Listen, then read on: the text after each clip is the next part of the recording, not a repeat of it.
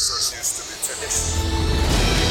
Some of the best speakers in the world. The purpose of business is not to maximize shareholder value. Whoever told you that shoot them. It brings together so many people and creates this high energy environment. Powerful speakers, powerful audience. Denne høsten i 2023 så skal vi ha Oslo Business Forum and Thriving in Chaos. Og i opptakt til denne spennende konferansen så er jeg så heldig å få besøk av Bent Andersen, som er konserndirektør på Obama Storkjøkken, og Stian Dyre Hansen, som har stiftet og driver The Assessment Company. Og sammen med disse herrene så skal vi leke litt med Thriving in Chaos og bytte ut Chaos med Crisis, og så se hva vi lærte av pandemien, og se på ledelse og læring i omskiftelige tider. Og disse herrene de kjenner hverandre, så det jeg har gjort denne gangen er å utfordre de til å introdusere hverandre. Så velkommen, mine herrer. Tusen takk. Takk for det. Hvem har lyst til å starte? Stian, han har lyst til å starte. Vær så god, Stian. Ja, da må jeg få lov til å introdusere Bent Andersen. Eh, Bent Andersen er da konserndirektør i Bama, med ansvar for Bama storkjøkken. Leder i dag et selskap som eh, omsetter for i overkant av 2,5 milliard. eh, I underkant av 300 ansatte. Landsdekkende aktør innenfor Hotell, restaurant, eh, kantiner, eh, convenience-sektoren, netthandel eh, i Norge. Eh, Gjør det veldig bra. Har eh, vært i en eh, enormt turbulent eh, periode, vil jeg si. eh, Fra 12. mars eh, 2020. Jeg husker veldig godt, eh, da var det jo eh, det som i dag heter Umami, en messe på, på Lillestrøm. Hvor vi egentlig sto og eh, flirte litt av de som ikke var der. Dette var tidlig i mars, og lurte på hva som feila dem. De hadde vært på skiferie. vet du. Ja, De hadde kanskje vært på skiferie, men eh, en uke senere så stenger det landet her ned. Og vi har vel eh, alle kjent på følelsen av både frustrasjon og, og et følelsesregister som har vært helt spinnvilt. Så, men jeg Bent er eh, for meg imponert meg som en leder i disse tidene. Eh, handlekraftig, strategisk, eh, gått opp og ned denne trappa eh, på en eksepsjonelt bra måte. Eh, Veldig stolt av å si at eh, jeg jobber og har jobbet tett med, med både Bama Storkjøkken og Bent i denne perioden. Så for meg en eh, dyktig, moderne leder. Veldig hyggelige ord, da. Bare hyggelig. Tusen takk, Stian. Da skal jeg introdusere Stian Dyre Hansen. Eh, Stian Dyre Hansen er sammen med sin bror Steffen Dyre Hansen eh, gründere av The Assessment Company. Tror dere hadde oppstart i 2015. Eh, Tankene ble vel meisla ut nede i Frankrike på noe INSEAD-program, tror jeg, Stian, eh, i 2014. Eh, Og oppstart av The Assessment Company på Hamar, eh, hvor, som er da hjemstedet til både Stian og Steffen. Eh, Og så hadde de et litt annet konsept enn det mange andre som driver med rekruttering og konsulentvirksomhet eh, har. Eh, Og det konseptet har jo truffet såpass bra at de jo, er jo ikke bare på Hamar lenger, de er i Oslo, de er i Stockholm, de er i Trondheim, jeg tror vi er i Bergen. Og ja, dere er all over the place, Stian, og jeg er dyktig imponert over hva dere har fått til. Og så vet jeg at dere nå både er gründere og eiere, men dere har fått med flere inn. Har vel ca. 85 ansatte. Eh, har sikkert veldig mye høyere omsetning enn hos oss, men eh, har har, har lykkes ekstremt godt i, i sitt marked, og har vel som oss eh, måttet bruke pandemien til å gjøre litt justeringer på konseptet sitt. Det er helt riktig. Tusen takk. Ja, Det er jo så bedre start enn dette går det ikke an å få, det skal jeg fortsette med. Det hører jeg jo. Tusen takk begge to. Og det jeg lurer på før vi kommer i gang, for jeg, jeg kjente ikke Bama storkjøkken eh, i det hele tatt, Bent. Jeg har jo hørt om Bama selvfølgelig, så jeg måtte jo google dette og fant jo ut eh, masse fine ord. Men du har også fortalt meg at dere har jo hele 12 000 kunder rundt omkring i hele landet. Ja. Mange forskjellige distribusjonskanaler og måter dere jobber på. Helt fra jobbfrukt, som mange kjenner til, Ja. helt til leveranser på gourmetrestauranter med flere stjerner og vinkler og jeg vet ikke hva. Det stemmer. Men nå kommer det et helt sånn folkelig spørsmål. Ja. Dette slagordet til Bama som vi alle har blitt uh, hørt om i det med fem om dagen. Ja. Hva er det for noe?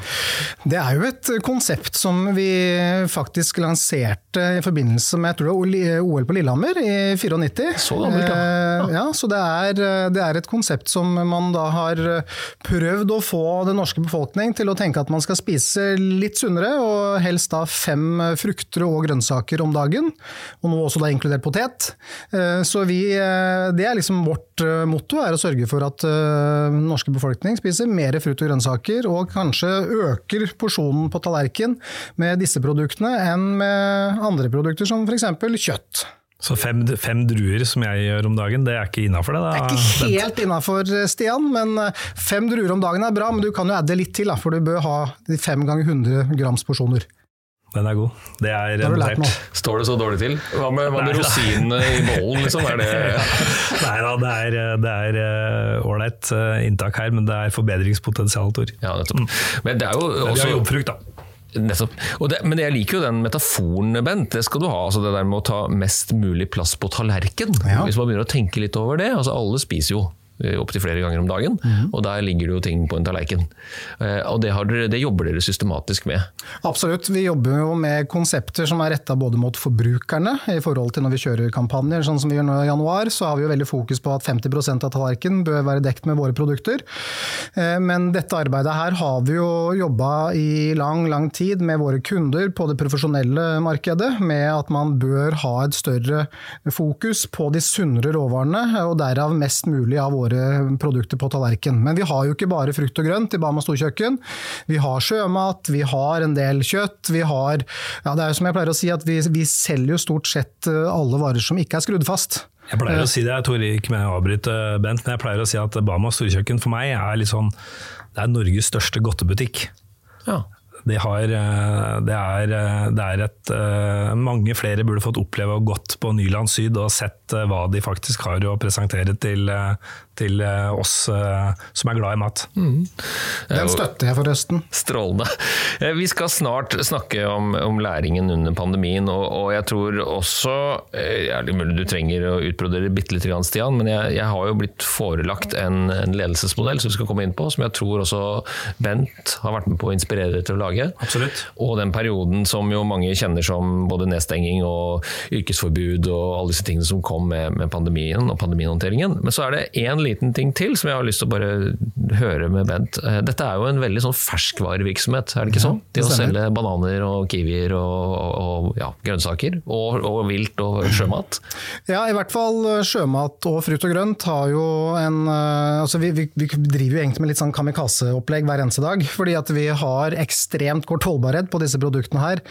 Så jobben vår det er jo å sørge for, hvis det er en frukt eller grønnsak, å ha kortest mulig tid da, fra de blir tatt opp av jorda eller plukka fra et tre, eh, til at de faktisk blir servert til våre kunder, som igjen skal bruke de til å lage en fantastisk rett. Om det er på et eh, restaurantkjøkken, eller om det er på en, en offentlig sektor, eh, institusjonskjøkken, eller om det er på en eller annen konferansemiddag. Så det er klart at dette her er produkter med Noen av produktene snakker vi om bare noen timers holdbarhet. Ta jordbær f.eks. I norsk jordbærsesong så er det jo bare snakk om timer fra det produktet går fra å være fantastisk bra til å ikke være spisende. Så alle disse varelinjene dine det er jo et konstant sånn eh, sjakkspill, og, og litt, litt, stress også, kanskje? Ja, det vil jeg si. Det er, det er vel når jeg snakka med Stian første gangen og introduserte han litt for å bli kjent med virksomheten vår, når de begynte med rekruttering tilbake igjen eh, da i 2015, så, så hadde vi liksom en sånn liten introduksjonsrunde av Nyland Syd, som jo da er hovedkontoret til Bama, ligger her i Oslo. Eh, og det er klart at da å gå rundt og presentere alle disse produktene her som, ja, som faktisk de, de, blir bare dårligere og dårligere hvor lenger tid det ligger i, eh, på vårt lager, så, så, tror jeg faktisk eh, at selv Stian ble, ble litt imponert. Ja, absolutt. Det er som sagt det er man burde ha tatt seg en tur opp dit. Men du er ikke novise dette du heller, for jeg vet jo du har bakgrunn fra både storkjøkkentenkning og mat, og, og, du har jo erfaring fra bransjen, stemmer ikke det? Fra Norgesgruppen bl.a.? ikke sant? Absolutt. Jeg eh, hadde elleve fantastisk fine år i Norgesgruppen, eh, hvor jeg var så heldig så fikk lov til å reise både inn- og utland og besøke veldig mange profesjonelle aktører som driver med fantastiske merkevarer, som vi også importerer til det landet her. Så det har jo skapt både en lidenskap og en interesse som, eh, som, ikke er lett å bli kvitt, og er heller ønskelig. Så det er klart det å få jobbe med denne type kall det Formel 1-verdikjede, er veldig veldig inspirerende og ikke minst utfordrende. Men det er jo utfordrende som gjør at det blir ordentlig gøy. Og da er vi nemlig i gang. Da står vi på ja, vi tenker oss 5000 varelinjer, full fart, øh, vekst og strategitenkning, og så kommer 12. mars 2020. Eh, Og dere var jo da på Lillestrøm på, og skjønte som alle andre at her må vi bare dra hjem. Eh, Og det ble jo helt, det ble som alle har jo hatt erfaring med dette på hvert sitt vis. Absolutt. Men kort oppsummert, hvordan opplevde du dette her, Bent? Nei, det er jo som du sier, vi, vi hadde på det tidspunkt ca. 5000 aktive varelinjer. Vi hadde tidenes vekst. Vi gikk ut av 2019 med alle piler retning himmel. Og eh, vi var på en messe, husker jeg, i Berlin eh, i begynnelsen av februar. eh, Og så forsto vi ikke hvorfor det sto så mange tomme båser på disse ulike standsene. Og så hadde vi da denne messa på Lillestrøm bare et par uker etterpå, som liksom er den største storhusholdningsmessa, den største bransjehappeningen. Og det, der var det også en del leverandører som hadde valgt å stå over. Eh, Og eh, jeg følte vel selv at det var vel ikke så mange andre av de som deltok på denne messa som egentlig eh, tok dette her på alvor. Men det er jo klart at når du da en uke etterpå må begynne å legge frem noen planer og tanker i hodet som du aldri har hatt fremme, det har jo, det har jo gjort veldig mye med meg og min lederstil, men det er jo klart at når du da går fra full fart til full brems Vi snakker om at fra en dag til en annen så drar vi på begge håndbrekka samtidig. Eh, 85 av omsetningen er borte i løpet av en drøy uke. Eh, Og da begynne å se i skrivebordsskuffen hva slags, eh, hva slags planer og handlingsplaner har vi mot en pandemi. Eh, Den, og de planene de fant jeg ikke. Du fant ingen, nei? Det var ingen i skuffen. nei. Hvem ringte du til da? Hva gjorde du? Du, jeg, jeg, vi hadde mye diskusjoner i ledergruppa hos meg i Bama storkjøkken. Vi hadde mye diskusjoner i konsernledelsen i Bama. Eh, Fordi det som skjedde var jo at eh, Bama er et stort, relativt stort eh, norsk selskap eh, med virksomhet eh, både på dagligvaresektoren og Bama storkjøkken i Norge. Men det er klart at dagligvare de fikk jo en og gå. det, skulle, ja, det fikk jo en kjempevekst.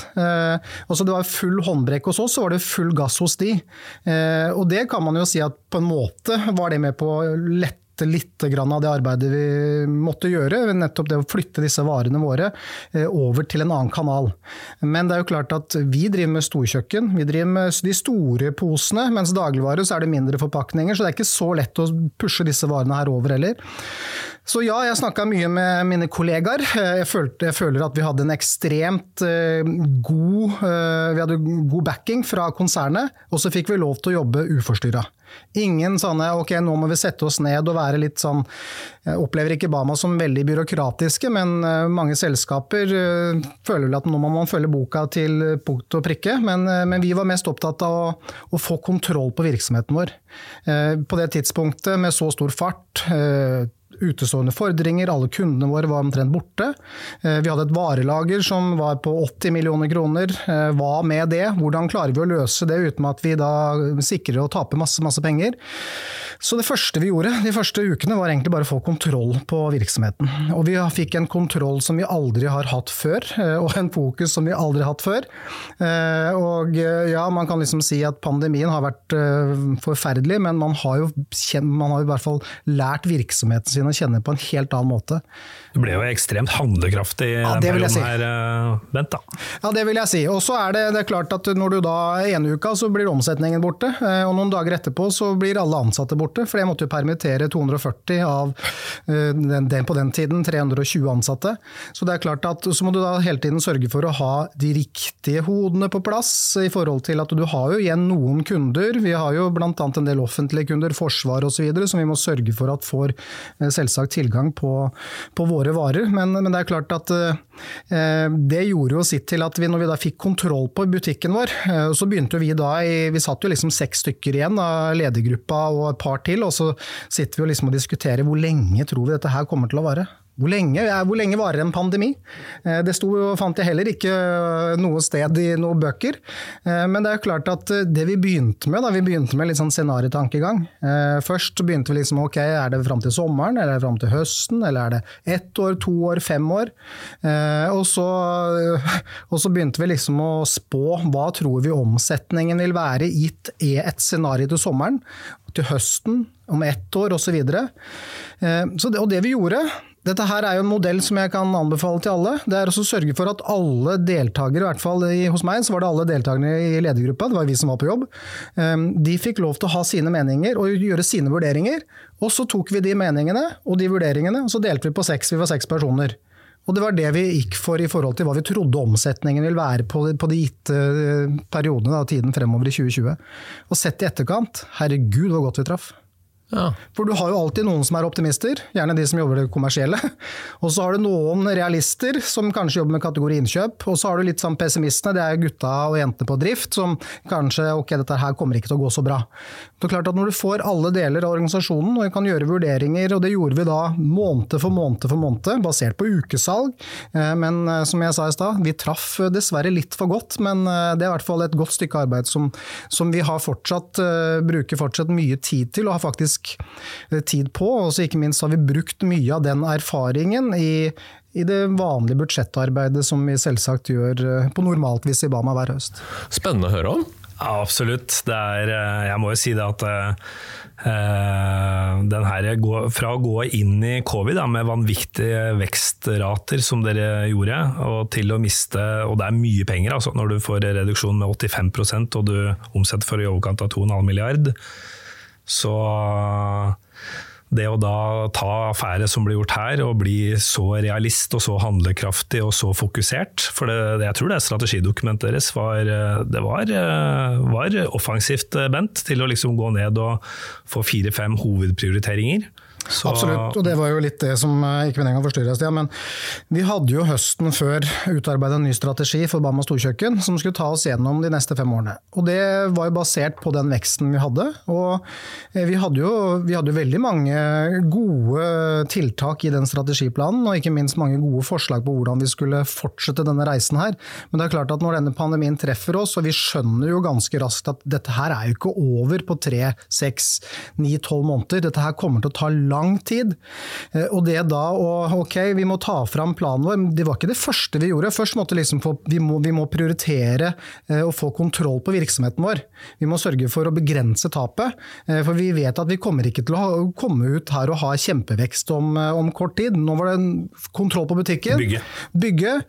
Ikke minst svare ut til resten av konsernet. Hva tror du fremover? Hva tror vi fremover? Dette med å ha tett kunderelasjon, snakke med de store kundene, få deres Eh, og si, meninger på hva man tror fremover, eh, gjorde at vi ganske raskt kunne ta denne strategiplanen, og så rista vi ut de tingene som vi tenkte ok, her er det noe som er spennende, som kan være nyttig for Bama storkjøkken i løpet av ikke de neste fem årene, men i løpet av de neste tolv månedene. Fordi det vi sa var at denne strategiplanen, de tingene som kan ha en mening og virkning for Bama storkjøkken på tolv måneder, de tar vi ut. Resten lar vi ligge. De parkerer vi, og de, de kan vi ta opp senere. Likevel så vet jeg at dere gjorde ganske ja, modige valg da, i forhold til å spisse og prioritere og bygge ned og fokusere, stemmer ikke det? Absolutt, og vi hadde jo i forkant av pandemien så hadde vi jo Vi har jo i dag ti terminaler. Eh, og hvis man ser tilbake igjen til 2016-2017 så hadde vi jo 18-19 terminaler, så vi hadde jo allerede gjort et ganske godt stykke nedskalering av antall terminaler, samtidig som omsetningen har eh, gått den andre veien, eh, så er det jo klart at vi, vi måtte rett og slett bare gjøre ganske knallhard prioritering. Og når man da har så mye vare på lager, både fryselager, men ikke minst ferskvarelageret vårt med veldig begrensa holdbarhet, så fant vi ut at ok, det er noe her som vi er nødt til å se på. Så dette med å lage en helt ny kategoriplan, kategoristrategi, det ble helt nødvendig for oss. Ja, du bare barberte det? Var det ikke ja, vi barberte fra nesten 5000 varelinjer til eh, på det tidspunktet under 2000. Og så har vi selvsagt økt noe nå gjennom 2022 pga. at man har hatt vekst igjen. Ja, og så bygde dere et sentrallager, vet jeg? Det gjorde vi. vi hadde, under pandemien, rett og slett? Under pandemien. Vi hadde sentrallager som en del av de strategiske områdene som vi skulle jobbe med i strategiperioden. Og for å være helt ærlig, det sentrallageret det trodde jeg ville stå på plass i 2025. Eh, men vi kjørte i gang forprosjekt eh, sommeren 2020, og fikk veldig rask beslutning på det her i styret og i konsernledelsen i Bama. Eh, og etter åtte måneder eh, så har vi da et, eh, et sentrallager på plass. Og det er jo eh, man tror liksom det å sette i gang et sentrallager er eh, quick fix. Det er ikke det, vet du. Det, skal, det er IT-systemer som skal fungere, som skal snakke sammen. Det er en helt endring av driftsmodellen vår som uh, har vært, kall altså, Per avdeling så har jo de nesten kunnet gjøre hva de vil, mens når du da setter i gang et sentrallager hvor du flytter de lavt omsendte varene fra lokale lager til et sentralt lager, det er ganske stort jobb. og Når man har den omsetningen vi har, og ikke minst de antall varelinjer, så jeg er imponert over hvordan organisasjonen vår har jobba på akkurat det feltet. Og Det vet jeg jo har bidratt til den situasjonen dere er i når dere kommer ut av pandemien, og der du er nå. Så Sånn sett så var jo pandemien en katalysator for den strategiplanen som var lagt for 2025. For nå kan du egentlig bare sette 2023 og så gange to eller tre. Nå ja. overdriver litt, selvfølgelig. jo, men, men du, du, har, helt rett, det er en katalysator. fordi det er jo klart at uh, sentrallager det er jo ett uh, initiativ. Uh, vi sentraliserte et kundesenter, mm. hvor vi da gikk fra å ha det lokalisert på syv lokasjoner rundt omkring i Norge, til å plassere det på ett sted. Det var også en del av planen vår, som jeg trodde kom til å treffe seinere, men pga. at man får litt fart i kroppen. Da. Eh, og som du sier, altså ja, pandemien har jo, eh, har jo gjort oss håper å si, raskere. Eh, og jeg vil jo også si at eh, selv om pandemien for bransjen vår, for kundene våre, har vært en katastrofe, og klart at eh, for ett år siden med krigen som starta borti øst, det var jo ikke det vi trengte når man etter hvert hadde begynt å få kontroll på pandemien. Som jo har medført at man har fått, hadde store problemer fra før av, men de har jo bare blitt enda større gjennom 2022.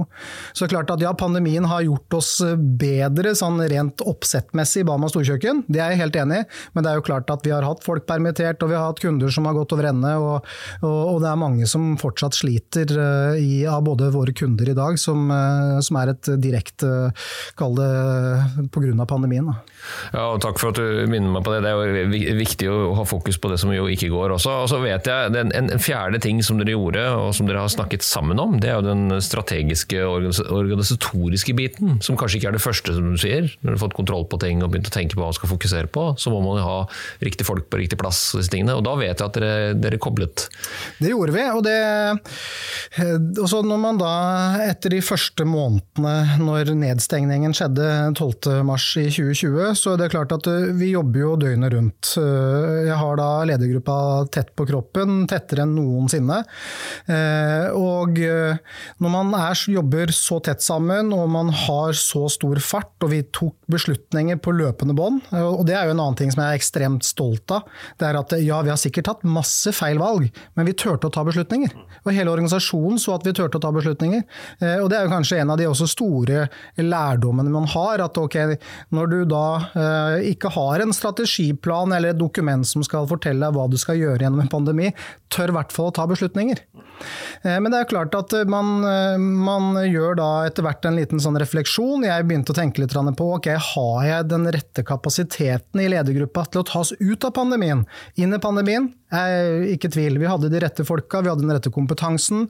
Men ut av pandemien så, så, begynte jeg å stille spørsmål eh, til meg selv, til min ledergruppe.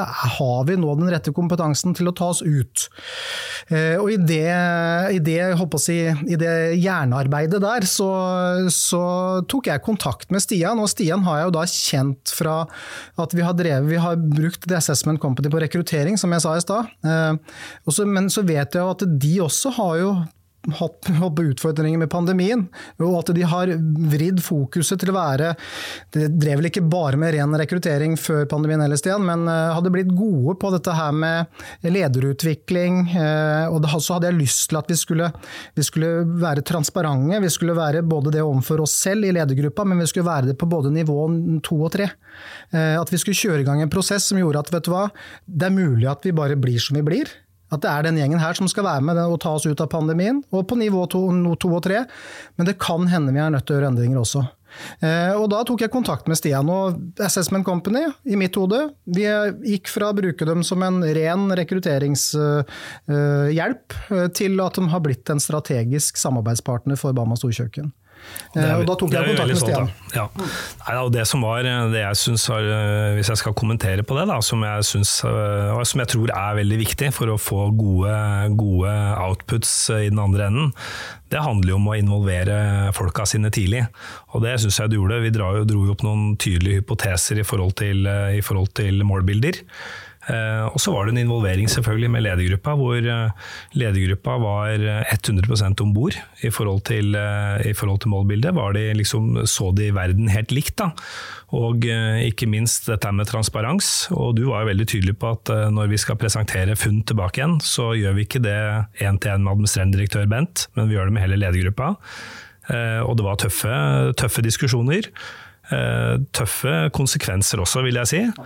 Eh, Men det det ender med, er at man får en veldig samkjørt ledergruppe som, eh, som ser morgendagen helt likt, som evner å dra i samme retning. Så er jo ikke det Det skjer jo sikkert ikke hver dag, det, Bent, sånn i retro- retroperspektiv, men fundamentet er ordentlig godt på plass.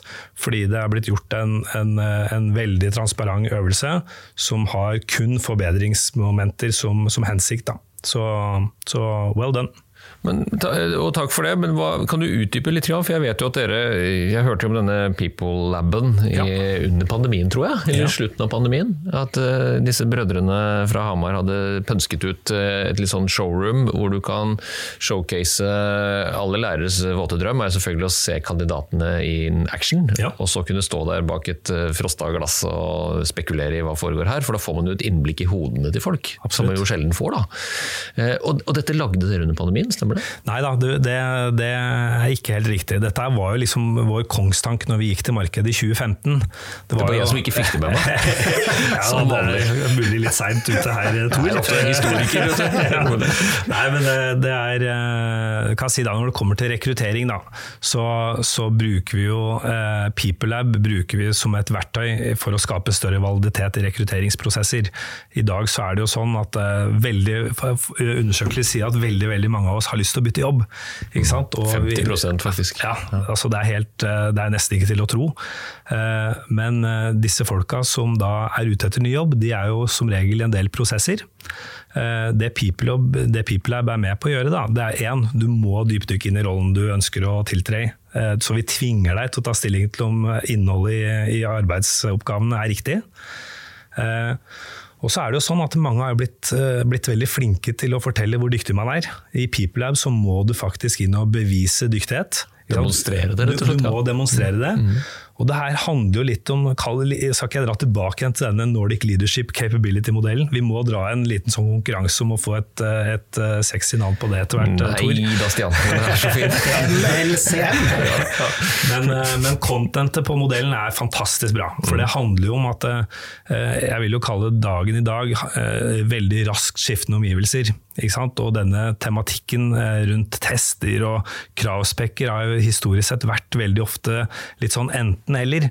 Og i dag så tror jeg at uh, vi må fokusere mye mer på både og. Ikke sant? Et litt sånt, det, det ordet agilitet er jo kanskje enda litt, begynner å bli gammelt det også, men dette her med fleksibilitet, da. personlig fleksibilitet, strategisk fleksibilitet, men alt handler jo om selvinnsikt, ikke sant? Alt handler om selvinnsikt er en, er en forutsetning for all utvikling. Og bare dra det litt sånn opp i en litt sånn større kontekst, da så er det jo 70 av eh, selskaper i Norge de sier at de ikke har riktig kompetanse til å realisere strategien de sitter i. Så, det er, eh, så dette her med utvikling, dette her med trening og få kompetan riktig kompetanse på rett plass nå, det er et stort tema som, eh, som vi tar ordentlig på alvor. Og dette visste jo Bent. Så han kontakter deg og sier 'hør her, kan vi se litt Ja, på dette'? det- Hvordan foregår det da? Går dere en tur, eller tar dere en kopp kaffe? Eller hva i all verden? Er det SMS, eller hvordan Nei, er det? jeg, jeg, kan, jeg, jeg kan bare ta Jeg kommer tilbake til den. Eh, Men jeg vil bare ta litt den derre da jeg, jeg vil jo si at da jeg ble ordentlig godt kjent med Bent, da, det er jo etter 12. mars 2020. For vi har hatt, vi har hatt masse turer og telefoner på tidlig morgen. Han er jo en gammel kålhandler, vet du, og som dagligvaremann, gammel dagligvaremann her, så er vi oppe om morgenen. Så det er telefoner her, har jo vært både halv syv og syv. Eh, men eh, måten man liksom navigerte seg opp og ned i denne trappa, fra å være liksom veldig strategisk eh, og til å liksom jobbe taktisk både med folka sine, med kunder og med, med hele sin verdikjede, til å være nede og være ordentlig operativ og forstå drift, det imponerte. For det er ikke enten-eller, det er både og. Ja, men Du spør jo hvordan, eh, hvordan gikk dette her frem. og det er klart at Jeg tok kontakt med Stian. Eh, vi tok et møte. Vi, hadde, vi holdt avstand. Eh, og jeg tror faktisk også Stian hadde hatt på seg munnbind når han kom opp på Nyland Syd. Måtte det. Måtte det. Men det å da også kunne ha en ærlig diskusjon over bordet, og som Stian sa i stad, jeg ønska ikke noe kamuflering. Eh, og jeg er veldig opptatt av når man eh, skal snakke om mennesker og involvere mennesker, så skal det være transparenthet. Det gjelder like mye i min retning som den gjengen som jeg er så heldig å lede. Eh, og når vi da satte oss ned, så Stian er jo veldig flink til å stille masse gode spørsmål. Og så er han i tillegg veldig interessert i virksomheten vår hva vi kan gjøre for å bli bedre. Og da er det litt lettere å kunne ta litt tøffe diskusjoner også. Og jeg, jeg fortalte Stian at jeg har en sånn liten urolighet i magen. Jeg tror ikke vi er på vårt beste i dag. Vi har vært gode nå gjennom pandemien, men vi kan bli bedre. Eh, om vi kan det med det oppsettet vi har nå, er jeg litt usikker på, og det ønsker jeg å diskutere og ikke minst starte en prosess med. Eh, og jeg ønsker at vi starter med ledergruppa. Eh, men jeg ønsker samtidig å være helt tydelig på det at jeg ønsker å ha med meg de som rapporterer til mine ledere også. Og det, det, gjorde vi, og det arbeidet satte vi i gang. Og det som også er fint når man kjører sånne transparente prosesser, det er jo det at det er jo veldig mye lettere å få med seg resten av gjengen. Da. Fordi de vet at eh, jeg skal kjøre en 360-prosess, hvis jeg kan kalle det Stian. Ja, absolutt. Eh, og de skal også gjøre det samme. Og vi ønsker, vi har, vi har det samme utgangspunktet. Vi ønsker at Bama storkjøkken skal lykkes når vi på et eller annet tidspunkt kan sette strek over en pandemi. Det var det vi diskuterte, og vi, jeg føler vi kom ganske raskt til, uh, i gang, Stian. Og så er det jo klart at da er det jo veldig trygt og godt å ha et uh, Nå kaller jeg dere for et konsulenthus, for det er jo det dere har blitt å ha trygge mennesker som vil vårt beste, og det, det var dere veldig tydelige på. Det, det føler jeg at mine, mine, nærmeste var veldig trygge på. Eh, og at man faktisk kan tørre å diskutere ting som er faktisk ganske vanskelig når man skal pirke borti hverandre på den måten som det vi gjorde. Eh, men jeg, føler at det var, det var, en del av suksessen til det vi nå har i dag i Bama storkjøkken, og jeg er veldig glad for at vi tok de samtalene på det tidspunktet, Stian, og at vi satte i gang den prosessen. Men vi brukte god tid. Dette var ikke noe hasteprosjekt. Eh, og det Hva snakker vi om da? Et halvt år? Eller Nei, vi brukte eller... lengre tid enn det. Vi ja. satte jo i gang samtalen våre høsten 2020, og vi er jo, vi er jo, jeg er jo faktisk ikke mål enda heller. Vi driver jo hele tiden med utvikling nå, men det er klart at det å sette de der eh, første statementene i ramme, det nye grunn, grunnmuren i huset vårt, eh, det fikk vi på plass i løpet av sommeren 2021, så da hadde vi snakka sammen en åtte-ni måneder. Eh, men så begynte vi liksom å involvere både nivå to og nivå tre, og ikke minst denne grensesnittdiskusjonen. Hvordan skal spillereglene mellom oss to være? Hvordan, hva setter du pris på, hva setter jeg pris på, og det motsatte. Det å tørre å ta de diskusjonene der også, på tvers av kalde fagområdene. Det har vi brukt mye, mye, tid på, men det har vært viktig og ikke minst riktig for oss. Så er det, viktig, sånne, det er jo viktig sånne prosesser å, å eh, lære mens man går òg, fordi folk responderer ulikt. Så etter at man gjør kanskje fase én, og så har man en idé om hva, hva skal next steps være, men dette er å ordentlig, sette fingeren i jorda. Eh, hva skjedde, hvor står vi nå, er vi i henhold til intensjoner? Eh, slik at vi sikrer at vi har med oss folka som faktisk skal ut og levere her i ettertid. Veldig, veldig viktig. Og så skal jeg bare ta en liten ting til også. En annen læring er jo, er jo, det at man ikke nødvendigvis bare skal se på disse tingene når det går dårlig eller det er krise. Eh, ta f.eks. nå 2022 har vært et, et, normalt år for oss sånn omsetningsmessig. Vi har liksom henta tilbake igjen det vi mista gjennom pandemien. Eh, selv om det mye har vært prisdrevet pga. alle disse eh, ekstremt høye kostnadene som har truffet oss med både strøm og, og rente osv. Men det er klart at vi hadde jo assessment senest hos oss på vårt Topp 60-samling i august måned. Eh, det er jo da vi snakker om to år etter at vi egentlig starta samtalene våre sammen. Eh, og igjen så diskuterer vi grensesnitt. Igjen så snakker vi om hvordan kan vi bli enda bedre sammen. Og vi er ikke ferdig med å ha disse diskusjonene her i Bama storkjøkken og sammen med Assessment Company. Så konsulenthuset har eh, levert, og, og kunden har eh, vokst i også hvordan de tar til seg metodikken deres, vil du si det? Så det er en vinn-vinn, dette her? Den berømmelige vinn-vinn? Ja, men det, jeg vil si det. Og samtidig så er det jo det, er jo det er jo det handler jo om å tørre å ta beslutninger. Og det ref det du sa i stad, men det handler jo også om å sette seg noen mål. Da. Og det handler jo om å involvere, fordi eh, det er jo organisasjonen som skal løpe i takt. Og, eh, og, hvordan man gjør det, det, Jeg tror ikke det er noe eh, one size fits all på det. Jeg tror det handler om at, eh, Og det gjør vi alltid når vi skal gå inn og jobbe med denne type prosesser hos kunde. Uavhengig om det er, om det er Bama storkjøkken, eller om det er innenfor møbler, eller entreprenør, eller bank og finans. Så det handler om å forstå forretning. Fordi Hvis du viser at du forstår forretning, så tror jeg folk har en tendens til å åpne seg opp fordi du bryr deg. Så det er, det er, jeg tror det er cruxet. Men, takk. Men hos deg da, Bent, når, når du får denne innsikten i, den, i tidlig fase i den prosessen, ble, da, ble, det da sånn at dere endret også riggen eller rammeverket ut ifra For du, jeg syns det er veldig spennende å høre om dette grensesnittet. Ja. Med, om man kommer inn i en prosess med noen roller. Og så kom man kanskje ut med noen nye, stemmer det? Det stemmer. Eh, og eh, jeg gjorde en endring eh, i min ledergruppe. Jeg fikk inn Og det også var jo en prosess som, som er et resultat av denne, dette lederutviklingsprogrammet vårt. Vi blei i løpet av de første 68 månedene veldig enige om at vi faktisk måtte gå til hvert vårt. Eh, og vi løste det på, i mitt hode. Stian, du får jo være enig eller uenig, for Stian har jeg brukt som rådgiver der også. Eh, men på en veldig god måte.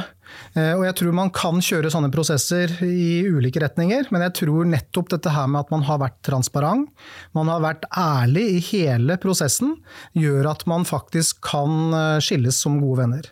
Eh, og det er jo da, ja det har vært en endring i min ledergruppe, men hele oppsettet, hele grunnstrukturen som vi nå har etablert, nettopp pga. veldig mye av grensesnittdiskusjonen, og hva slags kapasitet og kapabilitet trenger man fremover, ikke hva man har hatt frem til nå, men hva man trenger fremover, har vært ekstremt viktig for oss. Og som gjør at det hele oppsettet med eh, mange nye mennesker, eh, mange har dessverre forlatt oss, men vi har fått inn ny kompetanse, og sånn er det nå å være leder. Du er nødt til å sørge for at du har den rette kompetansen til enhver tid. Jeg hadde tenkt å prøve meg på sånn fotballmetaforisk eh, floskel om at du må ha riktig person på riktig plass og de må spille i lag med andre, men det er jo ikke helt sånn det er, Bent? Er det for Du må jo tilpasse dette her litt underveis, ettersom ja. hvilke muligheter som byr seg, hvilke begrensninger man har kanskje også? Jeg vet ikke hvordan ja, absolutt, du tenker det. Absolutt. Og så er eh, noen mennesker er veldig gode i ulike settinger. Når det er krise, så er det noen som er kjempeflinke, som vokser skikkelig, og som du ikke helt forsto hvor er det denne kapasiteten her eh, har vært. Eh, og så er det jo klart at det er andre som sørger, når man da er litt ute av og man liksom ser at ok, nå har vi litt vekst igjen, så kanskje man ikke er like god da.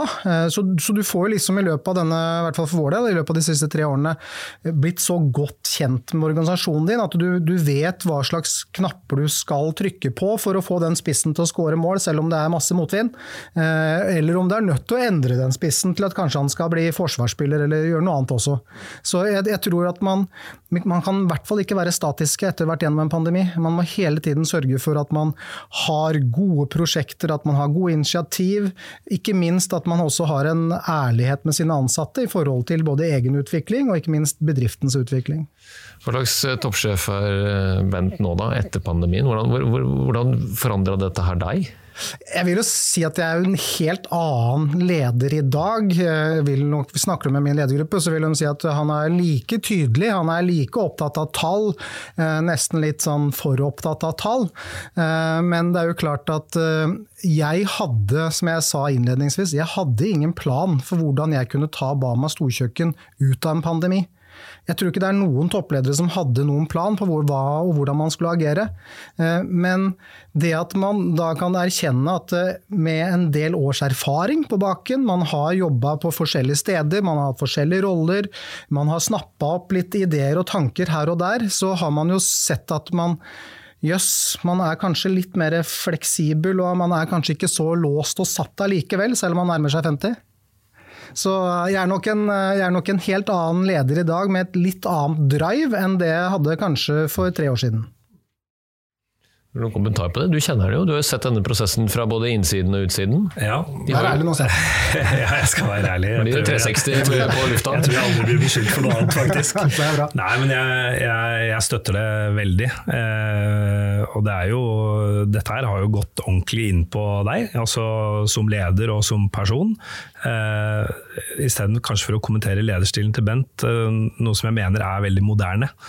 Eh, Så tror jeg at eh, han har fått med seg en engasjert ledergruppe som, eh, hvor samspill og samhandling står, står i fokus hvor eh, folk faktisk har lyst til å gjøre akkurat det samme, nemlig å skape størst mulig kundeverdi i enden. For det er det Bama storkjøkken handler om.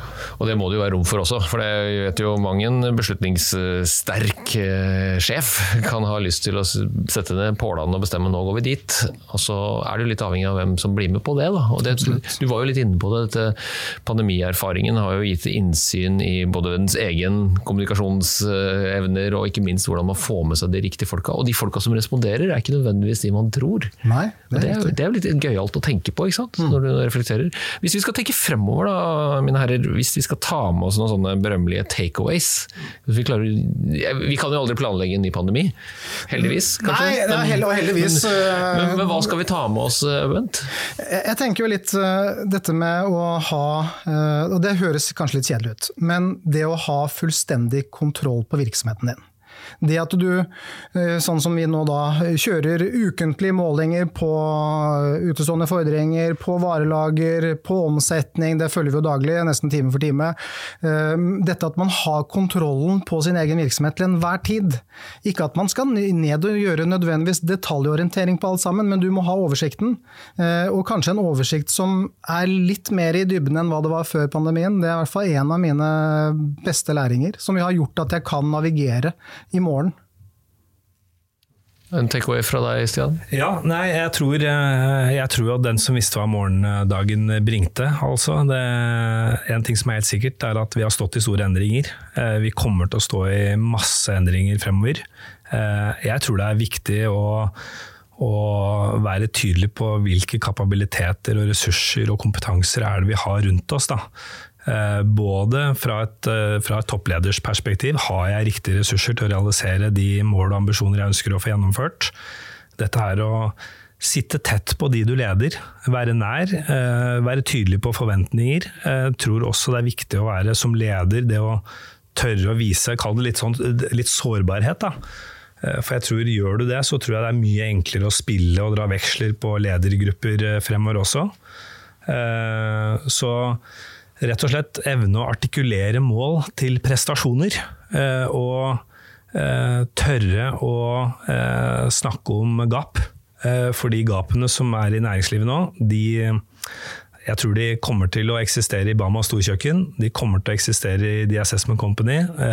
De kommer til å eksistere overalt.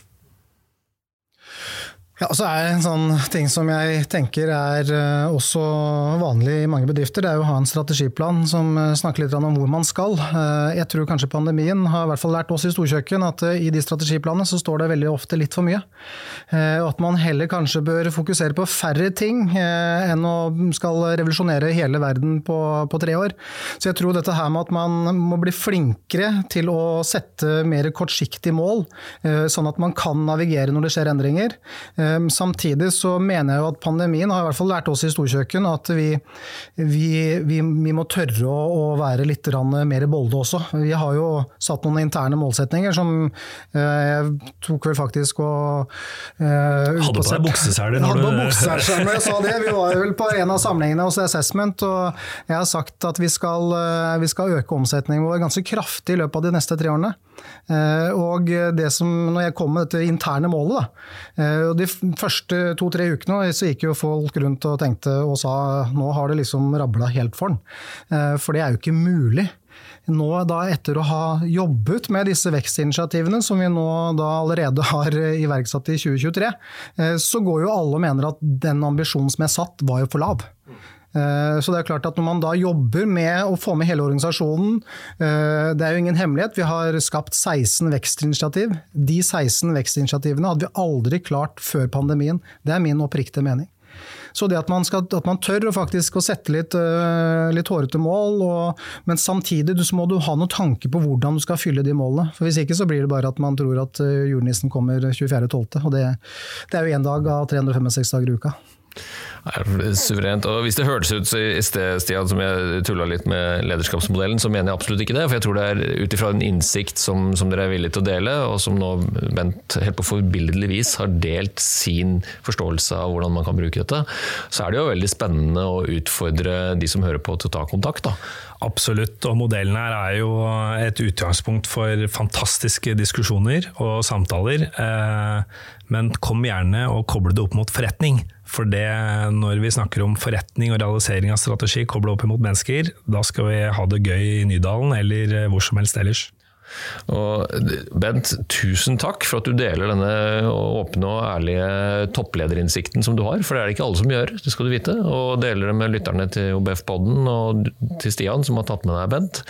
Tusen, tusen takk for erfaringsdelingen, og masse lykke til videre, begge to. Takk for det. Tusen takk, det samme. Some of the best speakers in the world. The purpose of business is not to maximize shareholder value. Whoever told you that, shoot them. It brings together so many people and creates this high energy environment. Powerful speakers, powerful audience.